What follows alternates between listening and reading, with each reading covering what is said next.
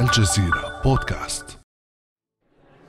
رجل إسرائيل القوي متجها إلى قاعة لحضور أحد المؤتمرات المذاعة على الهواء. لكنه قبل ذلك يلاحظ مرآة في الممر يتفقد مظهره فيجد قميصه وقد ترهل قليلا. يلتفت للرجل الذي خلفه فيبادره فورا بقميص جديد. أفيدور ليبرمان الذي اعتاد حمل قميص نظيف لرئيسه بنيامين نتنياهو. انشق بعد ذلك وأسس حزبا منافسا لنتنياهو. في نهاية العام الماضي قرر ليبرمان ألا يمنح نتنياهو القميص الجديد وانسحب من حكومته ليجبره على إجراء انتخابات مبكرة. فشل نتنياهو بعدها في تشكيل الحكومة مرة أخرى وقد يحرم إلى الأبد من حكم إسرائيل. بعد أمس من الجزيرة بودكاست أنا خديجة بن جنة.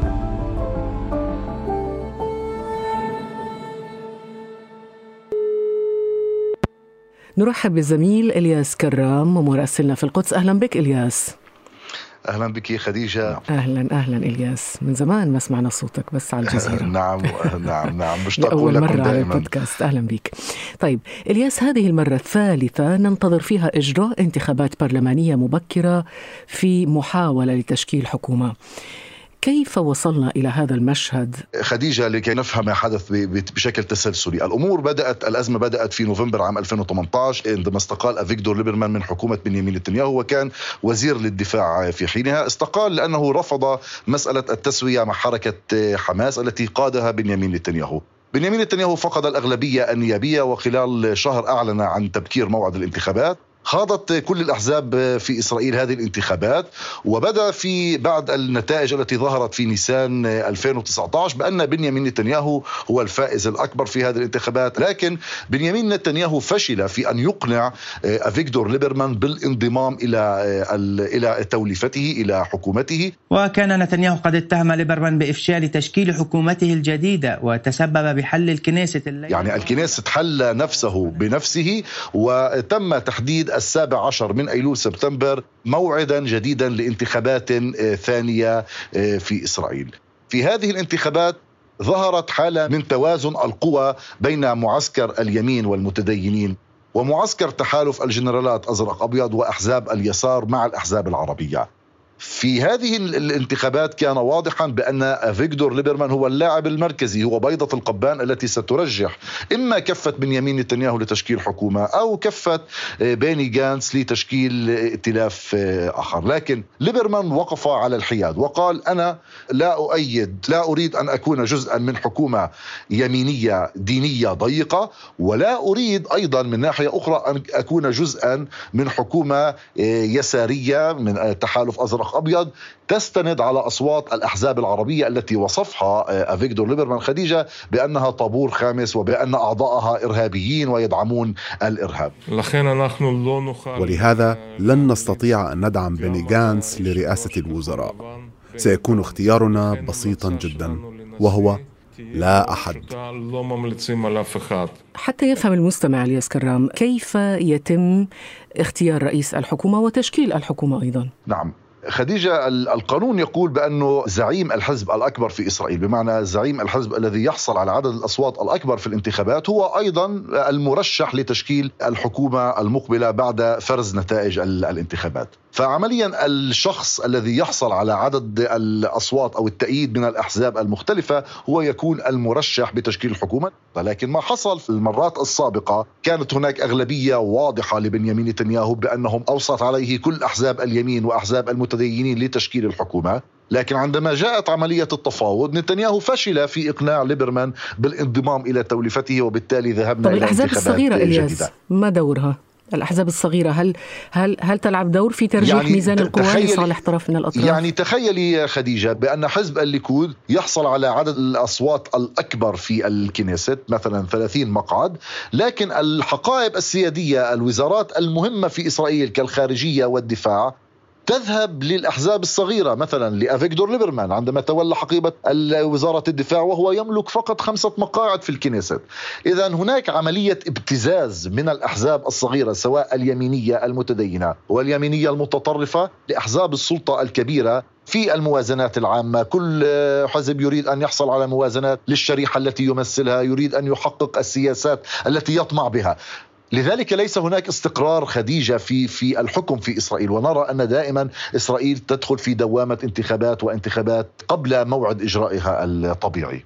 طيب إلياس كرام بنيامين نتنياهو يعتبر بالتأكيد أطول رئيس وزراء في تاريخ إسرائيل، ما الذي منحه هذه القوة ليحكم إسرائيل أطول مدة ممكنة مقارنة برؤساء وزراء آخرين آه، برأيك؟ يجب أن ننظر إلى المشهد السياسي بشكل عام خديجة وهو انه هناك كان غياب واضح لقيادات الصف الأول بمعنى مؤسسي إسرائيل. بعد غياب القيادات التي كانت في الصف الأول وأسست إسرائيل رحيل بن غوريون وغياب بيريس وشارون ويتسحاق رابين ومناحم بيجن. ونتنياهو كان يشكل الجيل الجديد لإسرائيل. وجاء مندفعا وبقوة وإذا سألت أي إسرائيلي يقول لك يعني لا يوجد قيادي يعني له شخصية لكي أصوت له عدا نتنياهو. نتنياهو فرض نفسه على الساحة السياسية بمساعدة صديقه دونالد ترامب الاعتراف بالقدس عاصمة لإسرائيل نقل السفارة الأمريكية إلى تل أبيب الاعتراف بالسيادة الإسرائيلية على الجولان الآن الاعتراف بغور الأردن ربما وضمه إلى السيادة الإسرائيلية. هذه كلها مظاهر قوة نتنياهو سياسيا ولكن ما الذي جعله قويا إلى هذا الحد؟ تتذكر إلياس غطينا مع بعض كنت معك في, في انتخابات 2006 لما فاز آه، إيهود أولمرت. أولمرت لم يعمر طويلا. الشارع الإسرائيلي الإسرائيليون هم أمنيون.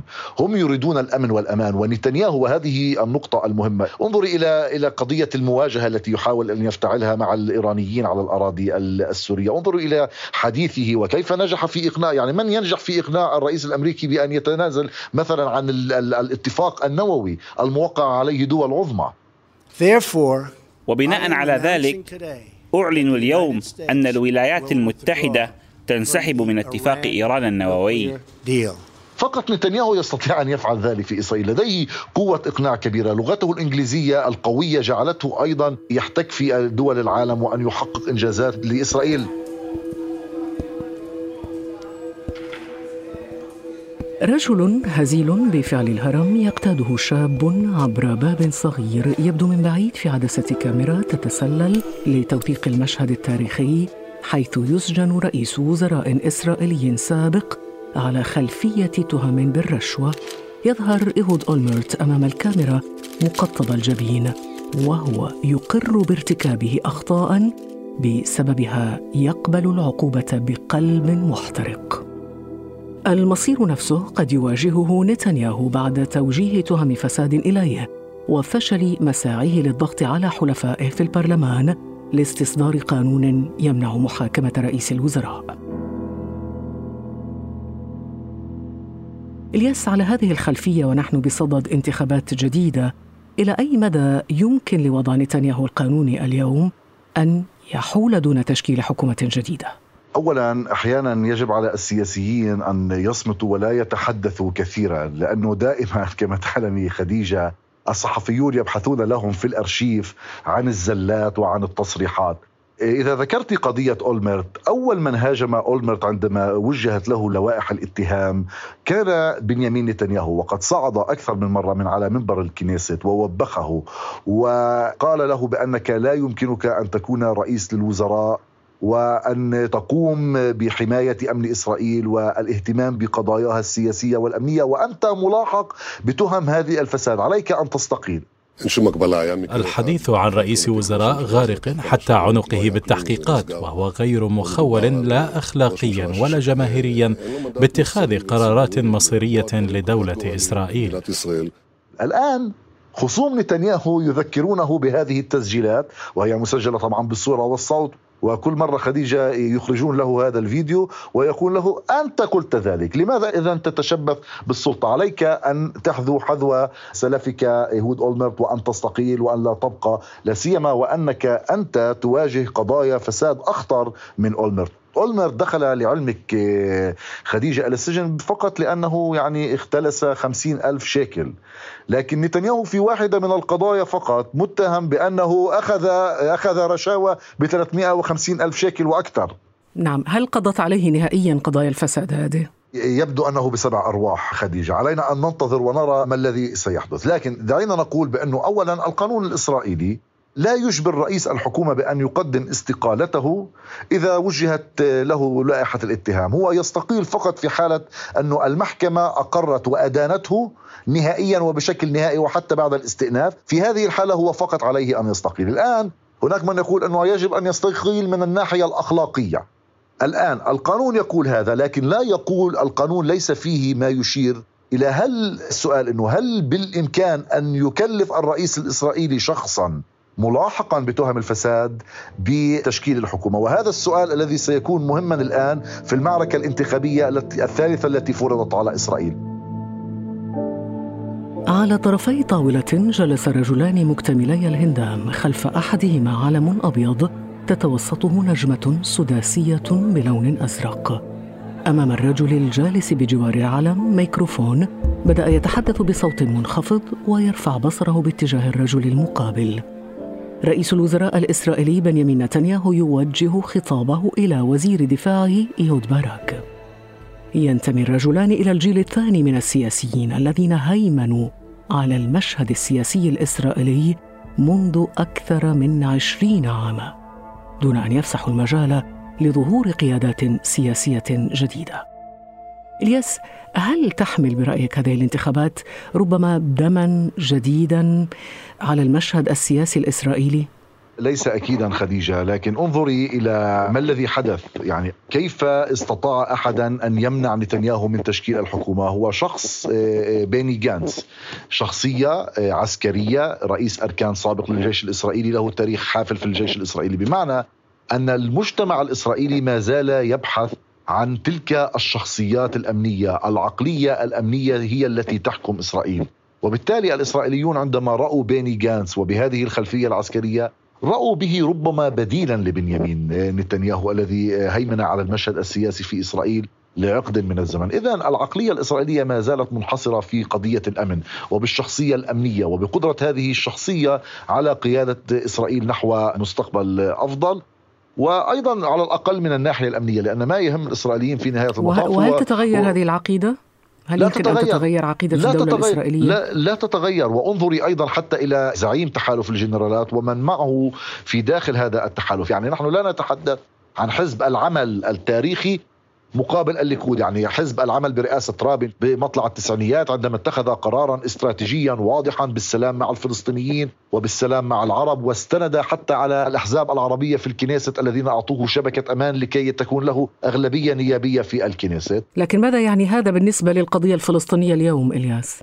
هذا ما أريد أن أقوله عمليا خديجة، انظري إلى تحالف أزرق أبيض، تحالف أزرق أبيض لا يقدم أي شيء يختلف عن نتنياهو في مسألة القضية الفلسطينية، يعني تحالف أزرق أبيض مثله مثل الليكود، يقول القدس ستبقى عاصمة موحدة وأبدية لإسرائيل، يقول مثله مثل الليكود لا لعودة اللاجئين. يقول بأن الجولان يبقى تحت السيادة الإسرائيلية. يقول بأن غور الأردن يبقى تحت السيادة الإسرائيلية. الكتل الاستيطانية الكبرى تبقى تحت السيادة الإسرائيلية. إذا تحالف الجنرالات أزرق أبيض لا يقدم بديلا سياسيا أو برنامج يعني لن نشهد أي تغيير. لن نشهد أي تغيير على العكس. مع أي بديل مع أي بديل لنتنياهو. لا يوجد أي بديل آخر. يعني التحالف الجنرالات لا يطرح أي بديل يختلف عن الليكود فيما يتعلق بالقضية الفلسطينية.